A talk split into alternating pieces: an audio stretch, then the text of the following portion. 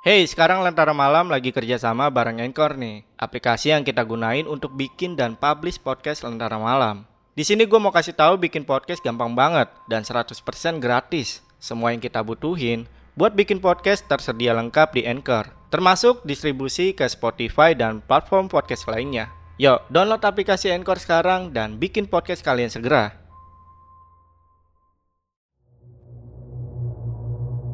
Halo semuanya, kembali lagi di Lentera Malam bareng gue Jamal dan masih di original podcast Spotify Lentera Malam. Dan kali ini gue udah kedatangan narasumber yang akan menceritakan tentang pengalaman horornya ketika menjadi tumbal pada saat kerja menjadi supir truk.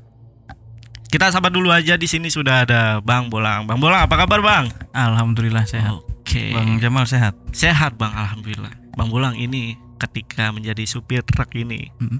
itu apa yang terjadi Bang? Sebenarnya kejadian itu saya pas kerja di situ seolah-olah saya jadi inceran tumbal begitu untuk Iya. di suatu perusahaan tersebut.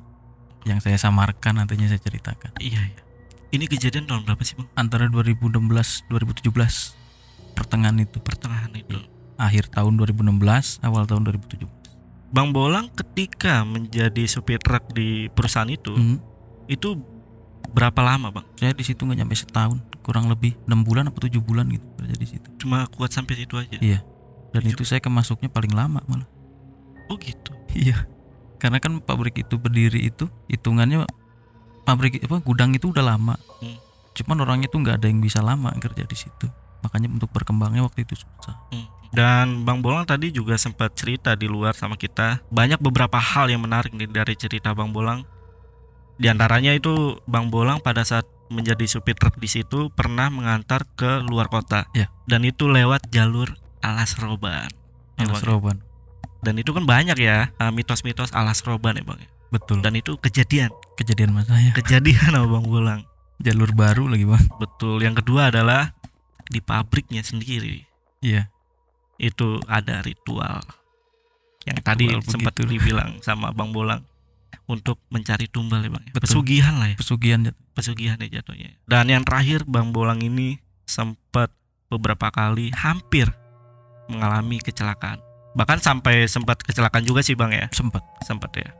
Jadi teman-teman gua saranin kalian simak audio ini sampai habis. Tapi sebelum itu gua mau ngasih tahu ke kalian kalau kalian mau jadi narasumber. Di Lentar Malam kalian bisa langsung aja DM ke Instagramnya Lentar Malam itu ada di @lentarmalam.id atau kalian bisa langsung DM ke Instagramnya produser kita yaitu John Arya John.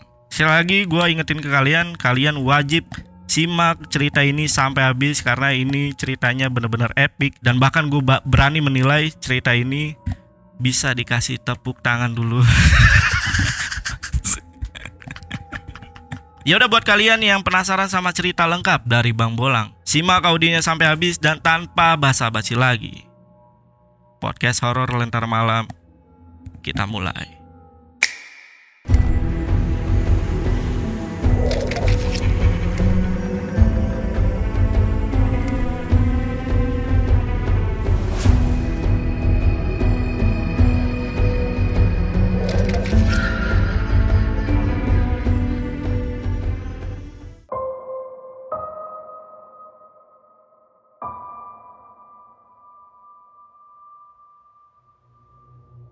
Cerita awal di bulan antara September kalau nggak Oktober nih.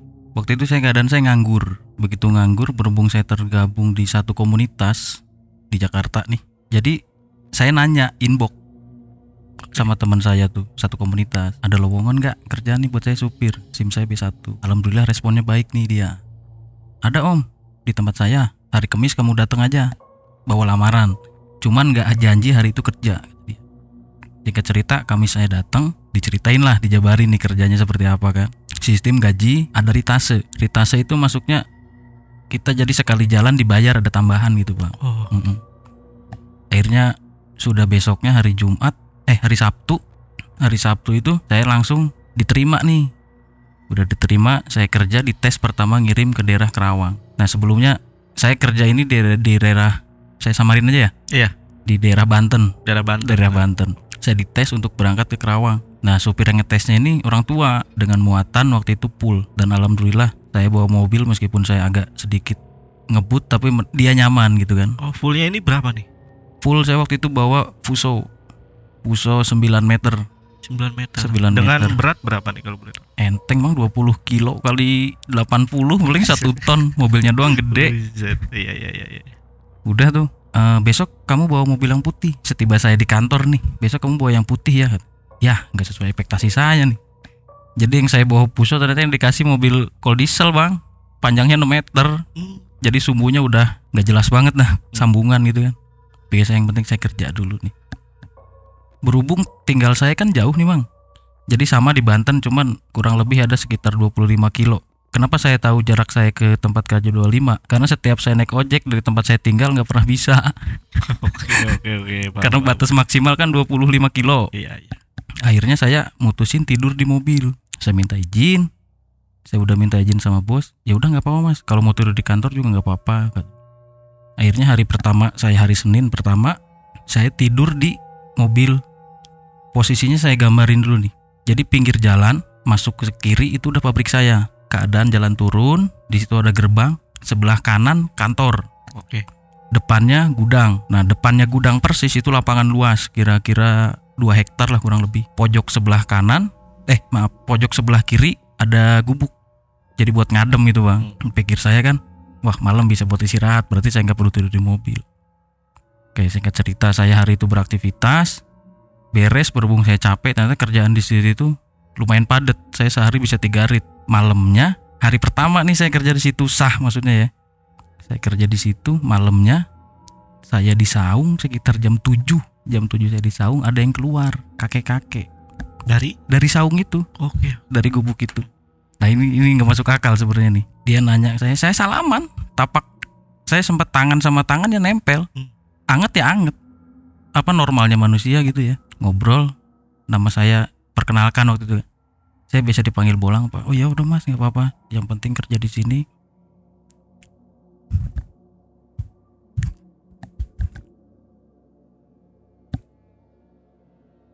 Kenapa nih bang? Muncul nih sosok. kalau nyeritain ini biasanya emang ya begitulah pak Wah, gokil. Masuk studio nih sos- sosok apa bang?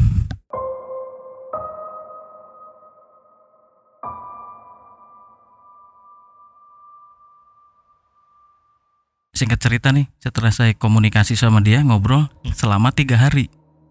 Sedangkan di situ setahu saya pabrik kan pasti ada security. Oke. karena waktu itu bos saya bilang di sini ada security cuman standby-nya mulai dari jam 6 nyampe pagi. Berarti kan saya menyimpulkan oh ini security kali di sini kan? Begitu hari keempat percaya nggak percaya bang? Jadi begitu pas keempat saya pulang jam 9 malam ada security nyamperin saya. Orangnya tua perawakannya gede tinggi pakai celana coklat sama lah seperti security biasa ya cuman dia pakai jaket loreng. Ini Mas Ari ya? Ari Bolang ya? Iya bawaannya Pak Jul. Iya. Ini Mak kenalin saya security di sini. Saya langsung ngelek cuman saya belum berani cerita Oke. dengan kejadian itu. Oh ya udah Pak nggak apa saya mau tidur izin tidur ya? Saya mau tidur di saung. Bang berani mas tidur di saung? Lah saya tiga hari tidur di saung. Seriusan? Serius mas? Tiga hari saya tidur di saung. Hari keempat kan saya jadi pertanyaan tuh. Oke. Hari keempat itu saya kagak nemuin dia hawa di hawa di mana? Saung. saung itu panas. Ah. enggak kayak biasanya. Ah. karena kerasa saya nggak nyaman berarti sekarang saya punya tempat nyaman hanya di mobil. Pada akhirnya saya tidur di mobil. Baru 10 menit saya ketindian. Yang saya rasain begitu orang bilang apa? Rep-rep ya? Hmm. mobil saya ada yang guncangin ya bang saya diguncangin saya ditindihin ada suara cekikikan ngelayang. Dan itu jadi yang nindihin saya begitu lepas dia terbang. Wah. persis depan kaca mobil saya itu. Itu sosok apa kuntilanak yang putih ya terbang. Jadi habis nindihin. habis nindihin iya dia terbang. Nah setelah dia terbang saya fokus ke pojok sudut. Sudut gudang tuh di ujung gudang itu ada kayak gang kecil gitu. Hmm. tinggi matanya merah. Nah dari situ entah kenapa ada cahaya putih bang. Terus dia hilang. Saya di gudang itu selama sebulan nih selama di gudang itu. Pada akhirnya akhir bulan karena saya sering ngelihat sosok-sosok seperti itu terus kan saya nggak nyaman juga. Kalau masalah kerjaan saya nggak ada nggak ada masalah lah ya sama temen apa. Pada akhirnya saya cerita sama teman-teman saya nih saya ngikut kontrak dong di tempat lu. Sekarang gue kontrak berdua sama lu jadi bertiga. Ya udah nggak apa-apa. Nah yang orang tua nih kan kontrakan saya seumuran berdua nih yang satunya orang tua bang. Dia nanya ke saya hebat lu berani tidur di gudang sebulan lagi. Gue tiga hari aja terus ngontrak. Bukannya hebat karena kepaksa. Karena keadaan saya kan saya kalau pulang itu hari Sabtu. Sorry bang gue potong. Kalau untuk sosok kakek yang pertama kali ditemuin Mhm. itu sosoknya kayak gimana nih bang? Pakai baju apa gitu? Pakai baju batik. Celana panjang. Heeh. dia selalu pakai belangkon. Dia keluar jadi di gubuk itu kan ada pintu nih. Kita naik gubuk di atasnya apa ada pintu dikasih tirai begitu. Selama tiga hari tirai itu ada. Hari keempat nggak ada tirai itu. Tapi berarti yang satpam yang pabrik itu Mhm. itu nggak pernah ngelihat bang Bolang tidur situ pada sebelumnya? Dia tahu saya tidur di situ tahu. Oh tahu. Justru dia itu orang berani banget itu tidur Ah, di iya, situ makanya di hari keempat dia mencoba untuk menegur. Betul. Oke, oke, hari maaf. keempat karena kan saya pulang malam juga waktu itu kan. Akhirnya disamperin beliau ngobrol. Nah baru sebulan sebulan masuk. Nah orang yang ngajak saya sakit bang. Jatuh sakit keras. Setelah dia berangkat bersama bos saya. Akhirnya dia dirawat. Nah berhubung dirawat otomatis tanggung jawab kan pasti diserahkan sama yang lain dong. Saya supir bertiga nih. Nah bos saya setiap saya disuruh saya nggak pernah nolak. Karena saya pikir tanggung jawab saya kerja saya ngikut orang ya udah begitu. Dikasih tanggung jawab mulai besok lo tetap nyupir cuman lo juga harus nyiapin barang di pabrik untuk dimuatin ke tiga mobil termasuk mobil lo oke. Berjalan tuh bang. Singkat cerita berjalan selama dua bulan. Di bulan ketiga ada kiriman untuk ke daerah Kerawang. Dari Kerawang ini saya transit. Kirim ke daerah Klaten. Seminggu saya jalanin tiga kali.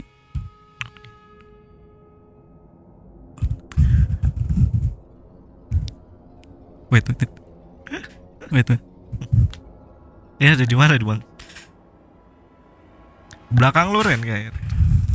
Ini bang Bolang lagi mencoba jikir teman-teman. Karena sepertinya ini ada sosok yang hadir di studio ini.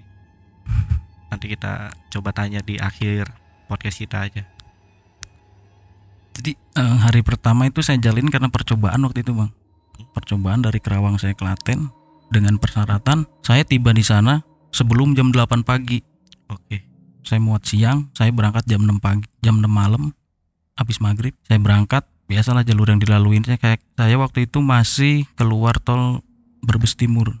Dari Brebes Timur exit saya ke kanan, Pemalang, Pekalongan kan, Alas Roban, waduh alas- dari Alas Roban masuk Semarang saya masuk tol Kerapia turun Bawen mempersingkat waktu. Aman waktu itu kejadian aman. Alas roban pun aman tuh Alas Roban untuk pertama aman.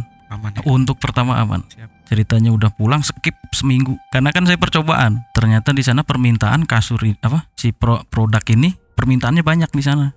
Pada akhirnya kalau seumpama kamu tiga hari apa selama satu minggu tiga kali sanggup apa enggak? Kalau saya bilang nggak sanggup berarti saya kan mikir ngerendahin saya sendiri nih. Hmm. bukannya saya sok.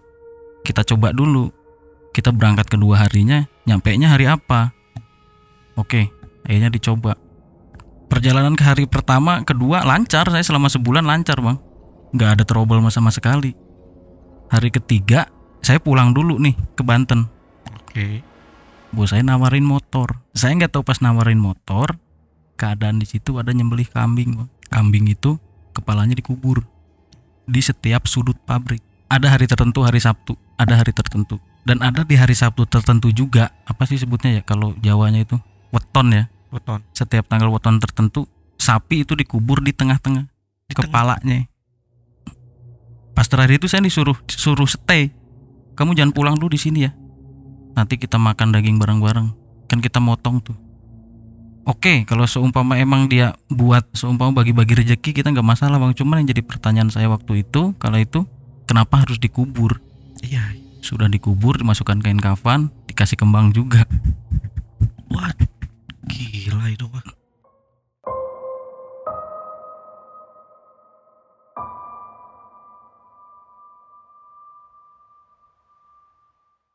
Seminggu kemudian saya berangkat karena saya ngeyel orangnya nih. Pas saya bilang itu nggak seperti biasanya bang, saya ma- mau berangkat males. Saya berangkat, Saya stay di kilometer 101. Habis maghrib saya berangkat.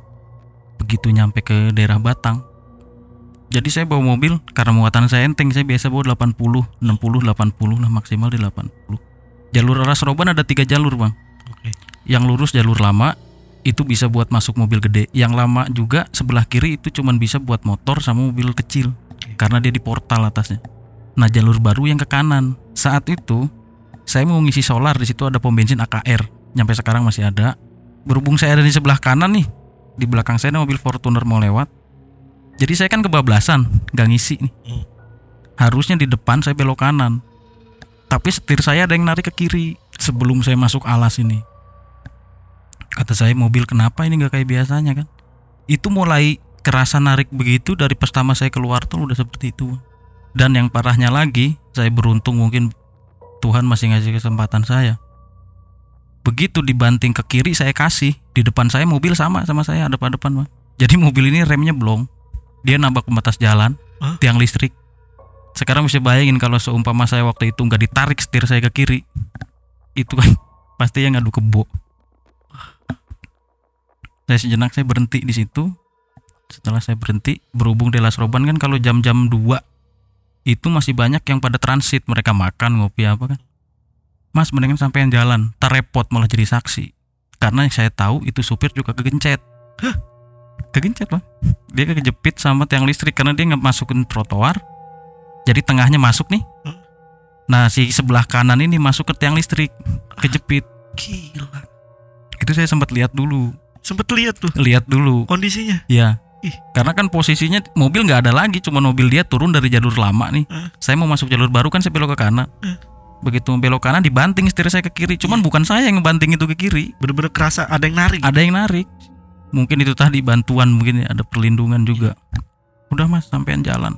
Saya jalan, baru 5 kilo. Ada orang yang melambaikan tangan ngawe-ngawe kalau orang Jawa bilang. Mobilnya emang dia ini bang trouble mobil dia. Oh, ada mobil juga ya. Mobil, iya. Oke.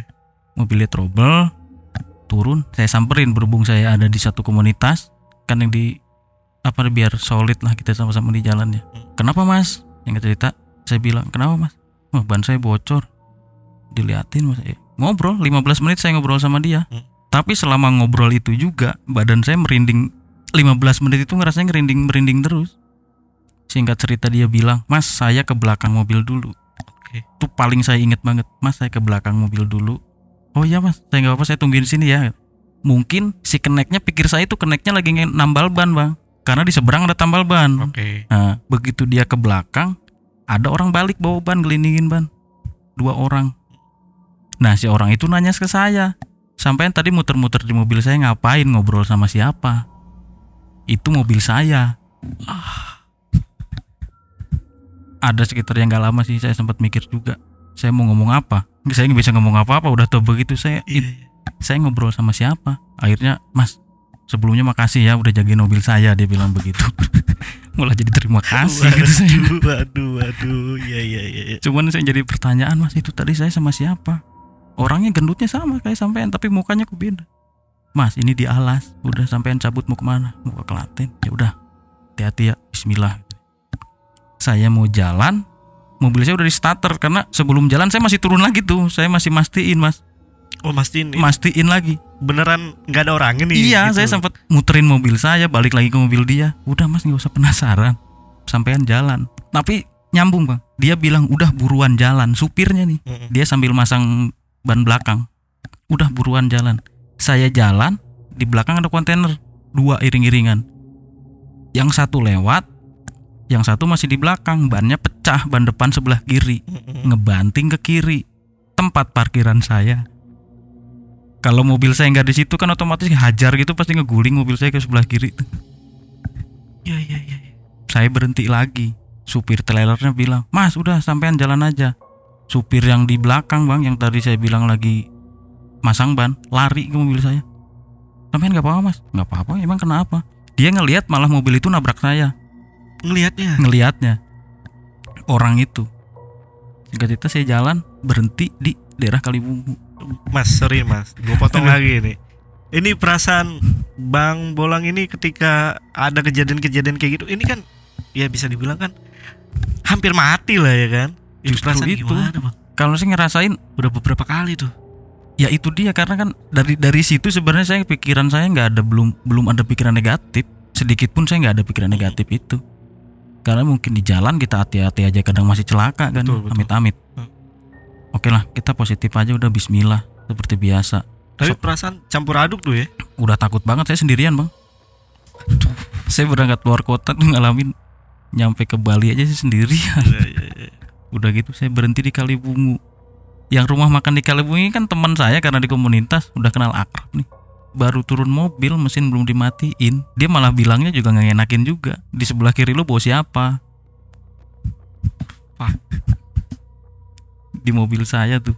Lu tadi berhenti di Las Roban berhenti di mana? Udah sampean kok tahu saya berhenti di Las Roban? Udah tadi berhenti di mana? Sebelum yang ada kalau di Alas Roban tuh jalur lama apa jalur baru itu kalau lewat situ pasti pasti nyium bau gitu bang. Ada bulu ayam memang di situ ada. Oh, oke. bulu ayam apa bulu bebek apa apa tuh. Pokoknya itu baunya emang bau amis banget di situ. Mhm.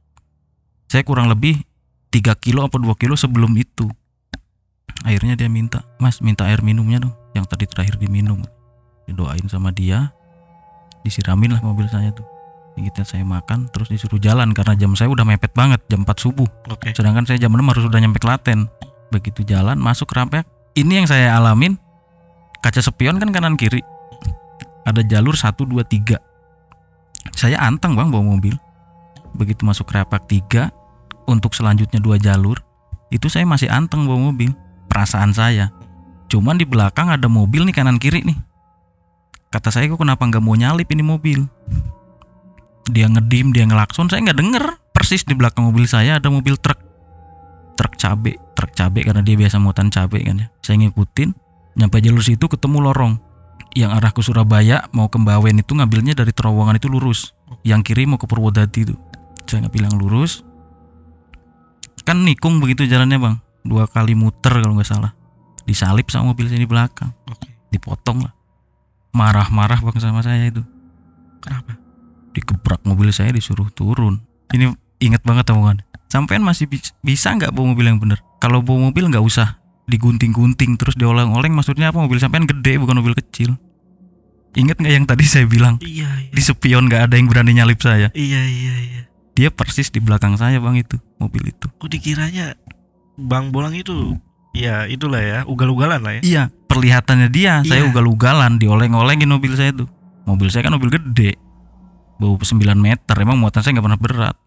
Lah kata saya saya bawa mobil biasa aja mas. Sampai nyadar nggak dari tadi lihat spion kanan kiri mobil nggak ada yang nyalip. Sadar. Dikirain saya emang saya sempat gede hati pada ngawal kali. Pikiran saya waktu itu. Hmm.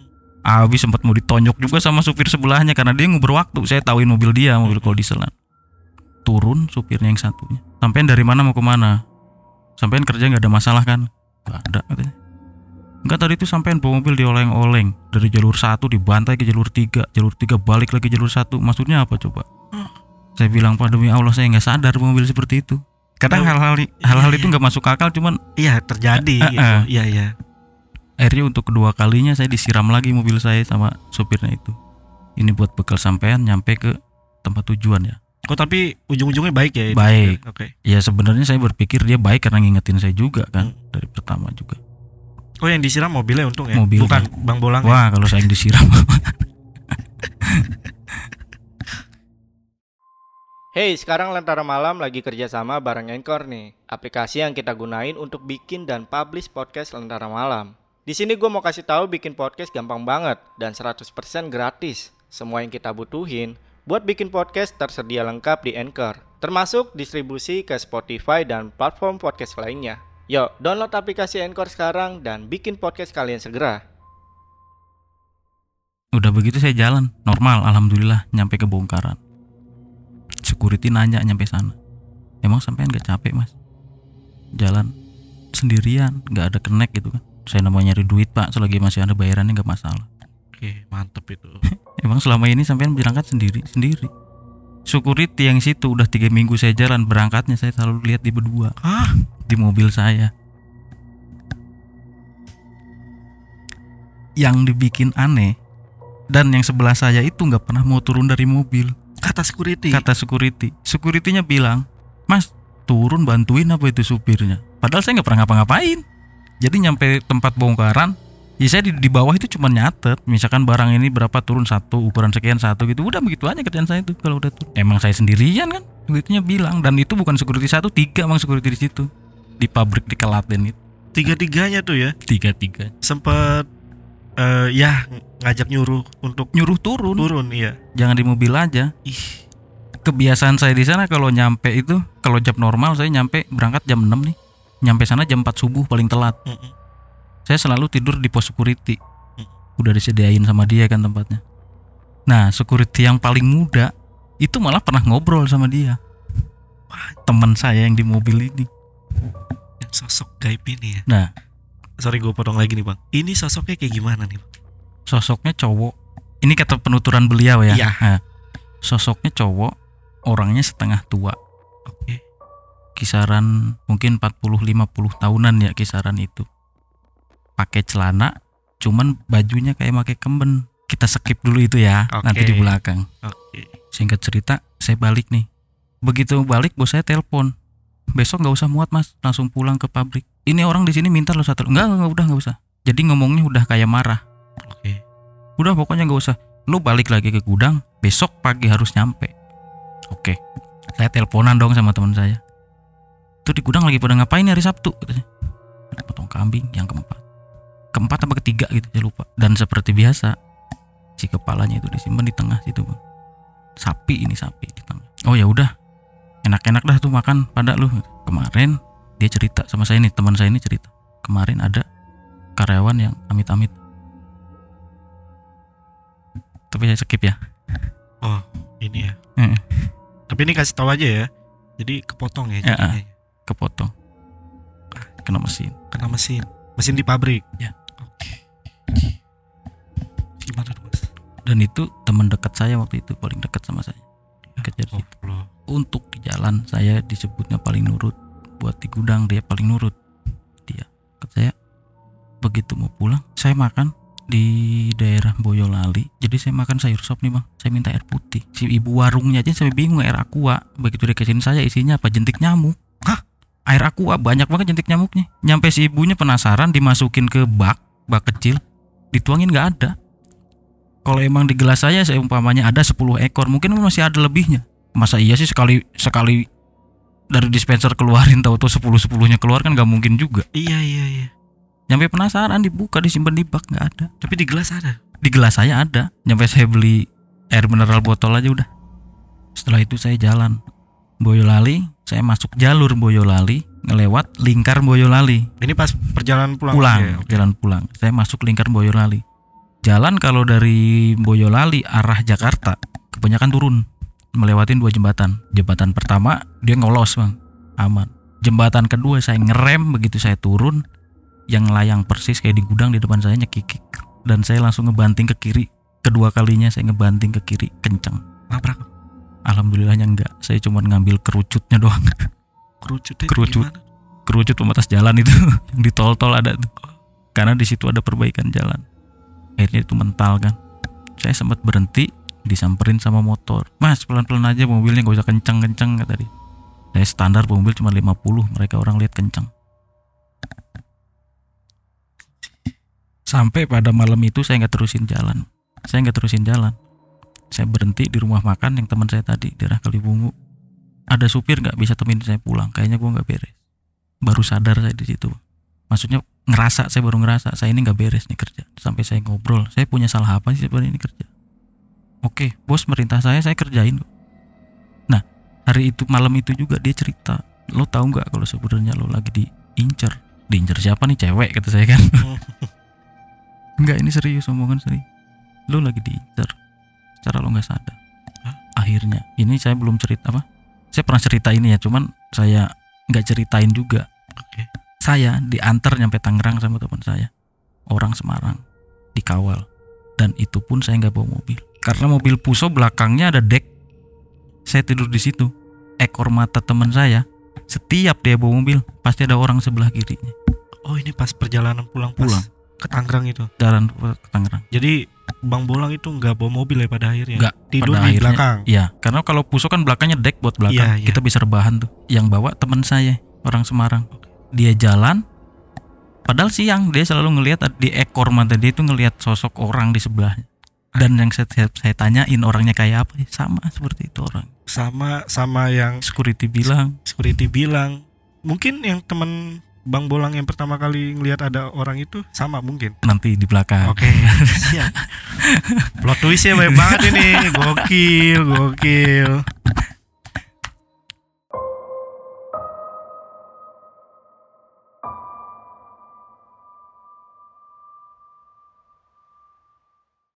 Dan singkat cerita nyampe nih ke pabrik Oke, sorry gue potong lagi. Hmm. Berarti itu untuk menghindari Bang Bolang kecelakaan lagi karena lagi diincar ya. iya Oke. kenapa saya bisa ngambil keputusan seperti itu alhamdulillahnya bapak angkat saya yang dikontrakan nelpon bang nelpon ke saya posisi di mana di Semarang kalau bisa lo nyari teman jangan sendirian ya karena itu juga Oh, karena itu. Hmm. Singkat cerita keesokan harinya saya nyampe pokoknya lama banget saya 13 jam kalau nggak salah dari Semarang ke Tangerang daerah Banten itu. Hmm.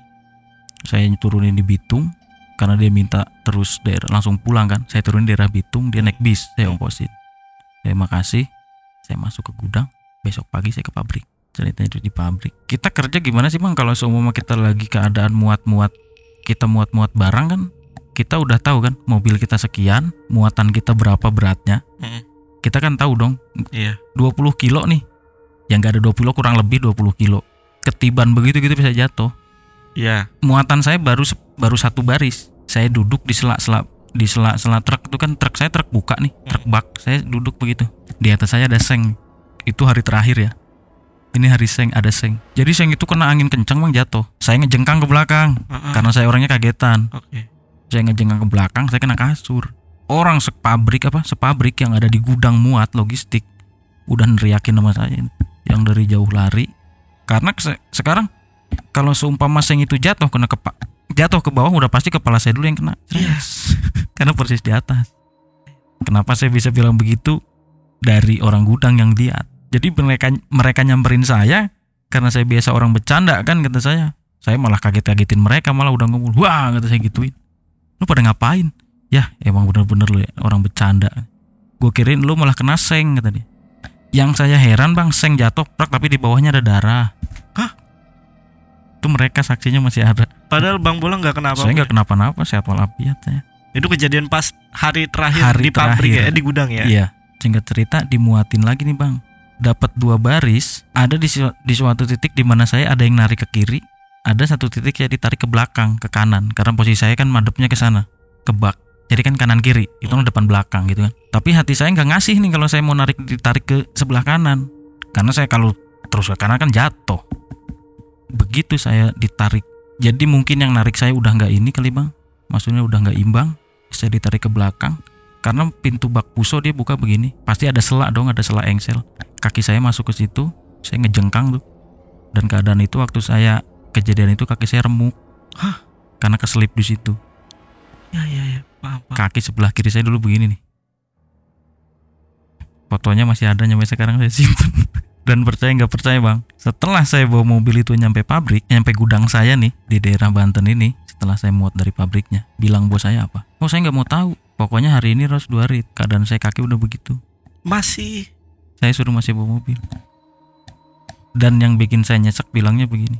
Kalau emang kaki lu remuk mau nggak bakal kuat. Lu pasti udah mati dari tadi. Itu masih inget banget omongan itu ya karena kembali tanggung jawab abang pernah nggak bawa mobil jadi si kupling mobil kan ada tiga pedal nih kupling rem sama gas si kupling karena saya punya dong apa kunci roda itu 2 meter kurang lebih kaki saya udah nggak kuat nginjek jadi si pipa dongkrak saya masukin ke kupling pedal kupling saya karetin jadi saya kupling pakai itu waktu itu pakai tangan nih. Iya, karena kaki udah nggak sanggup buat nginjak. Gila, gila. Epic banget ini cerita. Karena saya pikir ya gimana ya kalau disebut tanggung jawab, oke kita tanggung jawab loyalitas sama perusahaan. Waktu itu pikiran saya udah udah jelek-jelek banget. Tapi kan timbal baliknya apa gitu ke karyawan? Sorry, pada akhirnya dua rit itu dijalanin. Dijalanin. Saya masih narik, saya ke sono berhubung mungkin teman saya di sana pada iba was-was ya, kasihan juga lihat saya. Lo duduk, biarin gue yang muat, gue yang beresin. Kuli-kuli di situ orang-orang gudang. Hmm. Dan mereka pun bingung begitu mau majuin mobil saya kuplingnya nggak ada karena saya ikat bam, make pipa itu. Ya udah kalau mau dilepas cuman tolong ntar diikat lagi. Gue kaki kaki udah udah sama sekali nggak kuat.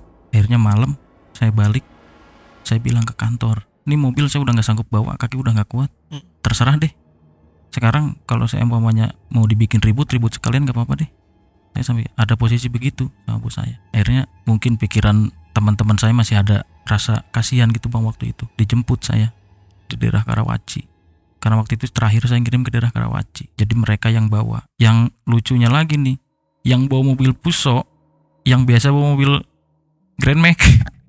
Mobil cuman sejengkal mobil saya 9 meter. Begitu keluar tol malah nyerempet mobil.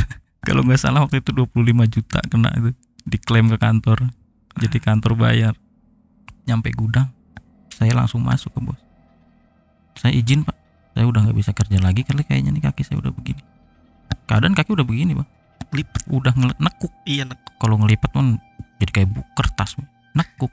Kan saya udah bilang gak mungkin kalau seumpama kaki lu patah lu masih kuat hebat banget lu ya kalau seumpamanya saya belum ditakdirin untuk mati kenapa Iya. enggak dia lagi meeting beres ceritanya nih udah beres mungkin ada ibu-ibu. Nih saya terima kasih banget sama ibu-ibu itu. Mas kita berobat aja ke daerah Cikupa. Waktu itu ada daerah Cikupa di perumahan Cikupa cuman dia masuk ke perkampungan saya dianterin sama supirnya dia tuh bang. Nyampe sana itu si ibu-ibunya nggak mau nerima karena dia biasa cuman bayi. Akhirnya si supirnya ini nelpon sama si ibu. Si ibunya datang. Nah supirnya suruh nyari persyaratan buat ngobatin saya waktu itu. Yang lucunya lagi setelah datang kaki saya dikasih minyak nih bang. Telapakan kaki saya yang rusak ini. Ditempel lah ke kertas HPS itu nggak ada yang basah sama sekali penuturan beliau kenapa bisa nggak basah? Emang tulangnya udah nggak bener jadi remuk gitu. Iya iya. Diurut nih pelan-pelan sama dia. Biasa mereka tuh tukang urut kan. Makanya kalau kerja hati-hati ngajak ngobrol tahu-tahu dipencet krek pingsan saya udah. Nggak sadar kali udah itu. nggak tahu. Udah nggak sadar. Bunyi itu yang terakhir ya? Ya pas bunyi di krek begitu karena kan dibalikin tuh. Mm. krek saya udah nggak sadar. Saya sadar-sadar udah di gudang dijemput sama teman-teman saya tuh. Pulang. Nginep di rumah teman saya. Saya belum belum belum ke kontrakan saya belum ngobrol. Cuman emang yang punya kontrakan ini mungkin ada ikatan apa gimana ya? Ke saya tuh ada ikatan batin karena ngangkat anak juga ke saya. Cuman WA gimana kerjaan lancar cuman begitu. Padahal itu dia udah tahu saya kejadian seperti itu bang. Cuman dia kayaknya nutupin. Ada waktunya saya harus pulang. Akhirnya dapat 4 hari saya nginep di tempat teman karena saya nggak ngere saya ngerepotin saya nggak enak. Saya pulang kampung. Saya pulang kampung dengan keadaan begitu otomatis ibu saya esok kan. Ibu saya esok saya ceritain. Ini gini gini gini cuman ibu saya tuh mikirnya gini loh lah nggak mungkin masa iya sih? Dari dulu nggak pernah ada keluarga kita kena tumbal gitu. Saya juga nggak ada pikiran saya jadi tumbal itu nggak ada sebenarnya. Di sana juga diurut alhamdulillah. Dapat seminggu kemudian udah bisa tuh buat napak buat jalan udah bisa. Cuman kakinya masih gede karena bengkak itu kan. Akhirnya saya minta izin untuk minggu kedua. Saya mau balik lagi saya mau nyari duit lagi di sini. Jakarta. Ya ibu saya bilang ya nggak apa-apa kalau mau nyari duit emang namanya cowok kan emang begitu. Iya. tapi satu lu jangan kerja di situ lagi. Nah sorenya sebelum saya berangkat nih besoknya nih besoknya berangkat sebelumnya nih si bapak nelpon yang punya kontrakan kamu di mana? Di kampung. Si ibu nanyain waktu itu masih ada nih. Si istrinya yang punya kontrakan masih ada. Hmm. si ibu nanyain sini aja ntar diobatin di rumah. Diobatin di rumah. Maksudnya apa pak? Udah nggak usah nggak usah banyak alasan nggak usah bohong. Nggak ada duit gue transfer dari sini. Ada apa duit? Ya udah ntar gue yang ngurusin di sini aja. Logikanya harusnya dia kan nggak tahu kalau saya kenapa-napa bang. Saya Iya, iya. kampung karena emang dari dari perjalanan itu nanti deh di akhir aja lah biar enak gitu. Tapi sempet. Bapak itu ngasih tahu kan yang disuruh apa Pas temannya di- jadi supir iya. ya kan? Udah udah ngerasa di situ mungkin ya. Iya. Setelah nyampe nih ceritanya ke Jakarta. Saya disuruh tidur dibikinin teh manis malamnya saya ngobrol bang. Ditanya lo kalau kalau dibilangin gua ngelarang lo kerja gua salah. Gua juga ngerantau lo juga ngerantau. Lo punya tanggungan kata si bapak. Tapi kalau lo pengen tahu kenapa gua sempet nahanan lo untuk nggak kerja di situ? Dari sini saya baru kebuka bang. Jadi pas hari minggu pertama saya cerita sama si bapak kalau di tempat kerja saya itu ada pemotongan kambing tapi kepalanya dikubur setiap hari Sabtu. Kata dia, "Kenapa lu nyampe sini jam 5? Jam 5 udah nyampe setiap hari Sabtu." Itu pulang kan jam 2. Saya langsung pulang. Jam 5 saya udah nyampe kosan lagi, kontrakan saya nih. Kenapa lu nggak ikut?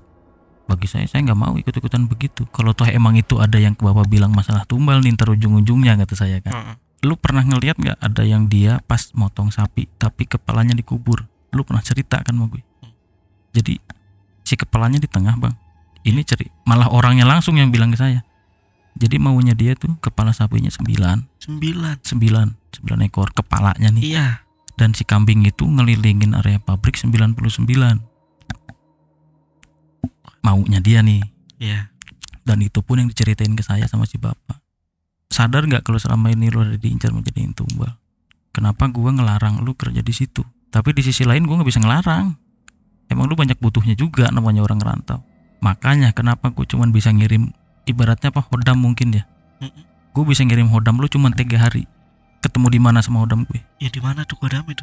yang, di mana? pos eh yang di gubuk tiga hari Ah, yang kakek-kakek itu. iya yang tiga hari Ah, itu dikirim sama bapak angkat saya tuh sosok itu, Tuh. sosok kakek itu, kodamnya si bapak ya. dari si bapak ini. Nah, si bapak ini kenapa cuman ngasih waktu tiga hari? Karena di sana energinya negatifnya gede banget bang. Kalau diterusin, yang bahaya saya. Makanya cuma dikasih pedamping. Setiap saya bawa mobil, dia pasti ada di kiri saya. Gil. Gokil. Nongol lagi bang, bukan apa-apa. Hmm? Kalau nyeritain begini sih, pasti nongol. Sorry bang, ini ini udah masuk akhir-akhir lah gue tanya lah. Ini sosok yang nongol ini yang mana nih? Yang disuruh sama bos saya waktu itu. Soalnya itu ada di pojok, Yang disuruh sama bos? Iya. Yang nyelakain. soalnya hitam.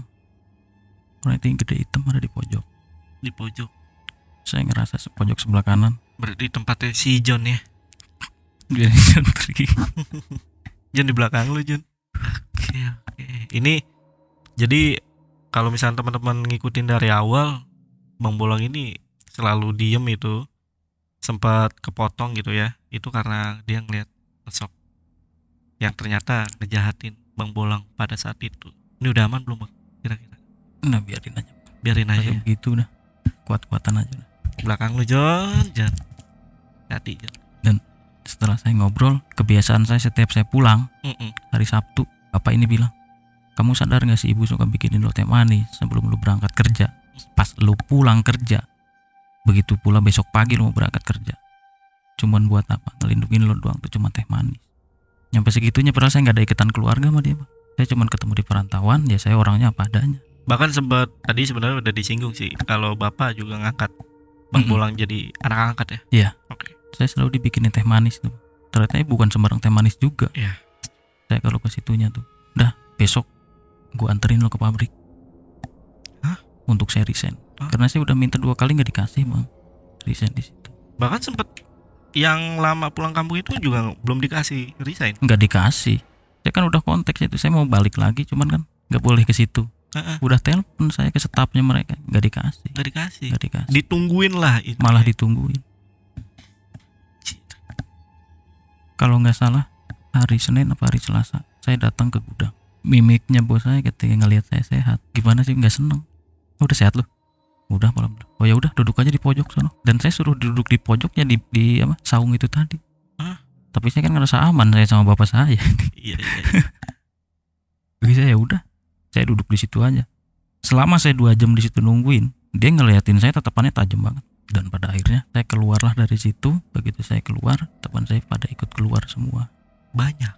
Banyak, tujuh orang apa enam orang atau tujuh orang ikut semua. Karena saya kerja di situ kan, bagi saya bercanda emang hal biasa. Ya. Pada nyaman juga mereka. Nah yang saya sesalin, supirnya di dua, kan saya bertiga. Yang saya sesalin kenapa? Pas saya keadaan jatuh kayak kemarin mereka pada ngejauh begitu saya datang dari luar kota nyampe gudang logikanya bang kayak kita seminggu nih nggak ketemu temen begitu kita pas ketemu kan kayaknya ada yang beda ya suasana pasti kan Hmm. wah enak nih di jalan gini nggak ada saling sapa begitu karena mereka ngelihat saya itu udah bukan saya pribadinya kata mereka nih Oke. teman saya supir dua ini dan mereka pun saya dapat info baru kemarin baru kemarin dua bulan sebulan yang lalu dia udah resign karena pabriknya bangkrut Alhamdulillah. iya, pabriknya bangkrut. Bahaya, Bang. Tadi saya pernah eh saya tadi saya sempat nyinggung masalah teman saya yang sakit telah jalan sama bos saya dia dirawat nih bang di rumah sakit daerah Tangerang. Jadi dia itu paru-parunya bocor. Saya pernah ngelihat dia begitu mau ganti selang. Dia kan masuk paru-paru di dada nih. Hmm. selangnya dicabutin dikasih balon di sini. Biar udaranya nggak keluar kan Hmm. kalau setiap mau ganti selang. Jadi dia ngasih foto ditunjukin ke abangnya. Hmm. sebenarnya yang mau jadi target tuh dia bukan saya. Pertama itu orang nurutnya bukan main lebih nurut dia daripada saya. Saya masih dablek orangnya. Serius bang. Tadinya dia yang diambil. Ini orang yang kepotong juga sih? Bukan Beda ya? bukan yang masukin saya kerja Oh yang masuk kerja. Ah, ah. Oh, oke oke oke paham. karena yang anehnya lagi saya nggak masuk akal kenapa harus mintanya orang Jawa Oh gitu. yang kena yang ininya kesebut Mm-mm. itu orang seberang nah yang teman saya ini orang Jawa saya juga orang Jawa kenapa pilih-pilih ya Tapi mungkin ada ya gua nggak tahu juga ya Mhm. itu mungkin dia pemilihannya suku atau Iya. atau mungkin memang dilihat dari orangnya bang. Kalau memang ini nurutan nih, eh nurutan nih orang ini, saya bisa nih. Makin nurut malah makin ditumbalkan. tapi masuk akal juga sih. Tiga bulan bang kerja. Hmm. udah mau dibeliin motor. Cash lagi. Oh dibaik-baikin dulu ya. iya. Saya pernah kerja di situ seumur umur nih. Namanya big boss bikinin kopi ya baru dia. Kopi dibikinin. Rokok setiap datang saya dikasih. Nggak pernah Iya. beli. Dulu saya setiap hari Sabtu nggak pernah beli rokok. Itu dia doang. Ternyata ada maunya. Dan ketika nih terakhir bang pas ketika saya resign keluar dari situ Mm-mm. keluar pagar bos saya ngejerit-jerit Hah? ya ini saya nggak sempat ceritain di tempat lain Teriak-teriak lah. bos saya teriak saya masuk lagi di tengah persis di kuburan kepala sapi kerupan kata bos saya udah biarin kita pulang aja Ada bapak. Dan di tengah saya nggak tahu itu korin apa gimana. Asli di situ ada bapak saya. Asli bapak saya almarhum di situ di tengah-tengah situ. Saya malamnya sempat ngobrol juga. Sebenarnya masalah saya kerja itu kurangnya apa? Karena kan gini ya namanya kerja kita kan kembali ke tanggung jawab. Ya. Iya. seorang bos punya anak buah mereka juga nggak akan jadi bos kalau nggak punya anak buah. Hmm. gitu kan sebaliknya ya. Hmm. ya kita diperintah kita tanggung jawab kita dibayar. Ya udah mau minta apa lagi dari karyawan? Yang penting bos-bos sekarang bilang gue punya anak buah yang penting lo pada rajin juga sama kan? Kenapa gitu harus pakai tumbal? Itu yang saya sesalin di situ. Dan itu saya bisa ngomong begitu karena apa? Yang kena kan saya. Mungkin bukan itu ya, hampir jatuhnya ya bukan tumbal hampir. Ini bisa dibilang keajaiban bang. Karena berkali-kali itu pas di alas roban pun. iya makanya saya pas bilang sama bapak saya mulai sekarang saya kerja harusnya gimana? gitu. Sekarang kerja udah netral aja. Kalau semua ada bos yang terlalu berlebihan lo bisa udah baca sendiri lo punya pengalaman sendiri dan dari situ setiap saya nyari kerja alhamdulillah nggak ketemu bos seperti itu ya udah lo kerja kerja aja nggak ketemu lagi. Ah, ah. Seperti itu. iya disebut kena tumbal sih enggak Bang. jatuhnya kayak hampir jatuhnya ya hampir kena tapi alhamdulillah ada yang nyelamatin Iya, tapi kan ini termasuk tumbal juga nih, ya kan? Saya- Wah, ngeri banget, Bang. berani ngomong gitu karena bapak saya ngasih tahu kalau emang sebenarnya lo udah dipuntutin dan dari pertama udah dibilangin kan tadi ada yang ngawal saya Iya. eh, hodam yang dikirim bapak saya ternyata nyampe ke jalan itu dan yang terakhir saya bilang kan security bilang tadi tiga tiganya ngelihat dengan posisi yang sama serupa ya itu emang dikirim bapak saya set- setelah saya cerita pak mukanya seperti ini enggak iya mas itu ya udah orang fotonya dikirimin ke saya Memang seperti itu ya. Iya. Sosok dari Kodam. Eh, Iya. pendamping, kalau itu Pendamping. ya, pendamping. Nah, kalau sosok yang jahat ini yang sekarang lagi masih ada di studio nih ya. masih bang kalau dia mah begitu emang saya nyeritain Coba lagi cerita sama teman-teman di tempat kerja gitu pasti ada aja. Nongol dah Iya. ya. Ini Bang Bolang ketemu pas di mana nih? Pernah ngeliat pada saat di, di supir truk itu tuh di pabrik Pas itu. saya masuk di situ, pas saya bergabung kerja di satu perusahaan itu, Oh, yang itu ya. Yang tidur di mobil bukan? Ini sosoknya. yang tidur di mobil yang di ujung, Yang di ujung. Iya. Bener ini. yang matanya merah itu dia. Genderuwo nih, Bang. Bisa disebut seperti itu kali. Makanya saya nggak berani lihat ke sana dari tadi saya biarin aja. Tapi ini ada hal menarik nih bang sebenarnya. Ini bukan menarik malah, ini menakutkan. Ini sebenarnya si John, Hmm. produser kita. Jadi sebenarnya dia gampang ngelihat sosok nih bang. Hmm. Nah takutnya sosok yang jahat ini, ini kan kita lagi ngomongin ya. Hah. Nah, di sini terus gitu betah. Apalagi ketemu sama John yang sensitif. Udah diomongin juga Ih. ngomongin doang paling. Waktu pas sebelumnya juga gitu. Ah, Diomongin tahu-tahu ada, diomongin tahu-tahu ada. takutnya ini betah nih yang ini nih. Gua jangan betah-betah. Tonjokin aja tonjokin. John berani aja nih, karena dia sering nginep di sini bang. Iya. dan beberapa kali di kantor tuh ngelihat setan Hmm. ngeliat hantu lah ngeliat sosok Kalau saya sebenarnya ngelihat nggak bisa, Bang, cuman ngerasain. ngerasain Ngerasain. Mending lihat apa Jon enggak suara apa Jon kasih tahu lah ini beneran nih berasa ini Jangan kali salahin saya ya. ini kali ini di ruangan podcast Spotify ini berasa banget nih gua pas Bang Bolang ini cerita udah epic ceritanya Oke, ini eh, memecah keheningan kita setel dulu nih. Tepuk tangan, gokil ini cerita aja. ini daripada ketakutan gue bang gue, jujur ini udah ngerasain merinding gimana gitu. Baru kali ini nih Spotify nih. Ya Rene, gokilnya cerita ya Rene. Nah, ini ada editor kita juga nih, Randy.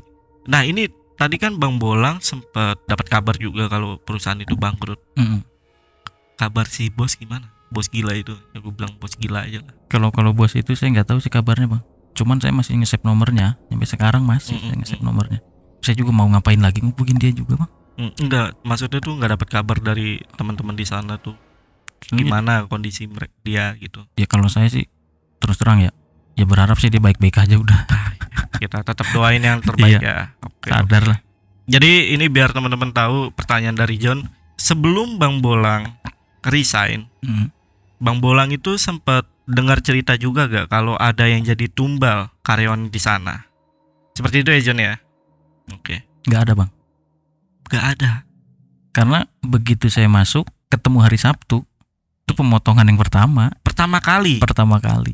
Ah. Makanya kan tadi saya yang saya jelasin begitu itu pertama, terus yang ngajak saya masuk Mm-mm. sakit. Ah, paham, paham, paham. Kalau setelah resign, Mm-mm. ada gak? Setelah resign, saya Iya, resign nih. ah, ah, setelah resign, Setelah resign udah nggak ada, udah nggak ada. nggak ada. Kan begitu saya keluar hari itu, dua hari kemudian itu pada keluar satu-satu. Oh, oke, satu-satu. Saya juga nggak pengen ada korban lagi, bang. Maksudnya udahlah cukup. Berarti Bang Bolang adalah tumbal perdana dan gagal ya dari si bos ya. Makanya dia bersikeras gitu. Kalau Bang Bolang tuh harus celaka. Bosnya cupu, iya. Oh, Allah alam masih ada yang ngelindungin, bang. Iya bener bang. Wih. Ini banyak plot twistnya teman-teman. Gokil sih ini cerita nih. Ini nih, Bang Bolang masih punya cerita tentang supir truk lagi gak sih? Masih ada, bang. Mau dilanjut nih. Masih di, masih ada ya, jangan dilanjut sini bang. Ini buat teman-teman yang pengen kita ngundang lagi Bang Bolang itu langsung aja nih DM ke Instagramnya Lentera Malam atau Instagramnya Bang Bolang ada gak? Ada. Ada ya bang. Di mana bang? Ari si bolang gitu aja. Ari si Bolang oke untuk eh, linknya gue taruh di deskripsi ini gue ini sih bang pengen ngundang lu di channel YouTube Lentera Malam nih mudah-mudahan kita ada waktu lagi ya bang ya Mudah-mudahan, amin. Ih, karena pengalaman supir truk ini banyak Betul. berapa tahun bang supir truk Dari 2013 saya pertama. Iya, eh 2014 saya di bis, 2015 2015 kan dari dari, dari 2010 sampai 2014 itu saya masih di bis waktu itu masih bawa bis Mm, mm, mm. 2014 ke sinilah akhir-akhir tuh udah ke truk pas di supir bis ada juga gak sih? Jangan deh bang kalau itu mah itu aib orang banget kalau itu. jangan kalau yang di bis. Oke oke oke. Tapi tunggu sampai bang Bolang siapa ya lah ya untuk cerita yang di bis ya. Sampai tahu nanti berubah pikiran. Kasihan juga orang yang diceritain itu. Oh gitu bang ya? Iya. Oke, tapi sekali lagi thank you Bang Bolang. Siap. udah bersedia kita undang dan datang di Lentera Malam. Iya sama-sama kita kasih sekali lagi cerita Bang Bolang yang sangat epic ini. Tepuk tangan. Oke. Oke, teman-teman, eh terima kasih juga yang udah nikmatin Spotify-nya Lentera Malam sampai habis. Gua sekali lagi terima kasih banyak. Ya udah, mungkin gua Jamal dari Lentera Malam dan Bang Bolang izin pamit.